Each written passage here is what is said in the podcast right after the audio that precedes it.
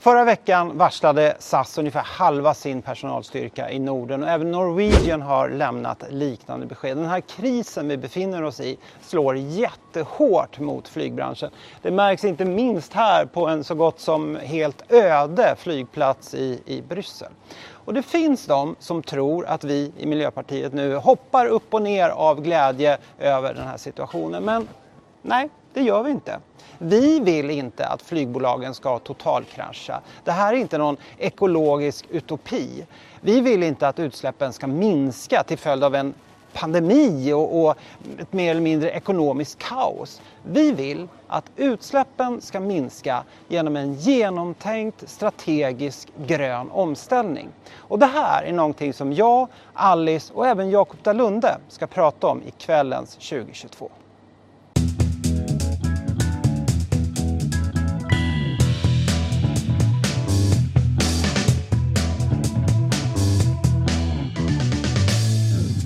Det är ju självklart att vi ska gå in med ekonomiskt stöd till flygbranschen och andra branscher som har det väldigt, väldigt tufft nu under den här ekonomiska krisen. Ja, men när vi gör detta, när vi nu investerar dessa enorma summor in i flygbranschen så kommer de pengarna ju förstås också med krav.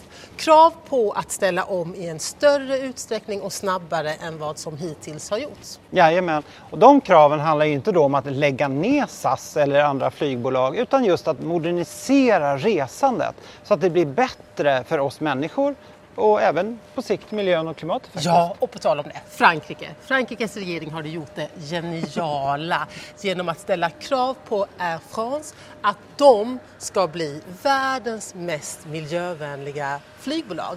Och om de ska nu få ta del av de här stora statliga stöden så får de inte konkurrera med inrikesresor som tar kortare tid än två och en halv timme. Mm. Just det där kravet att bli världens mest miljövänliga flygbolag, det tycker jag är ett sånt klockrent krav. Ja. Tänk om alla länder skulle ställa det på respektive flygbolag. Då skulle det bli som en dominoeffekt överallt i hela flygbranschen. Tävling. Det skulle bli en tävling, ja. precis. Och hemma i Sverige så har det varit mycket diskussion om, om Stockholm-Göteborg.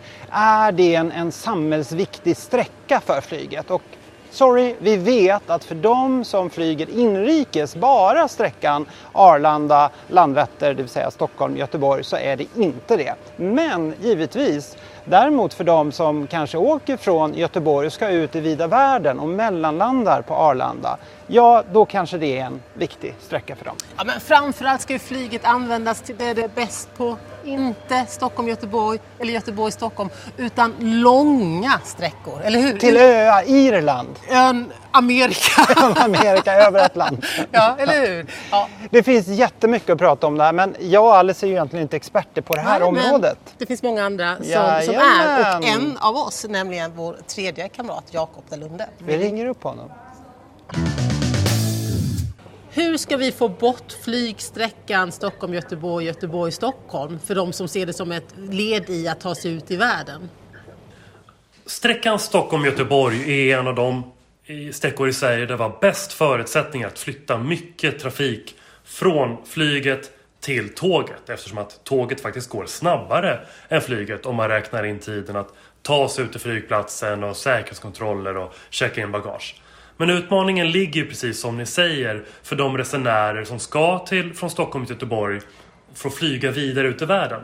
Då måste vi göra som man gör i Frankrike, Tyskland och Nederländerna där det finns en möjlighet att ta tåget direkt till flygplatsen och checka in bagaget redan på tåget så att tågpersonalen tar bagaget vidare in på flygplatsen. Då skulle det bli lätt och smidigt att åka från Göteborg eller en annan del av Sverige direkt till Arlanda och direkt ut i världen.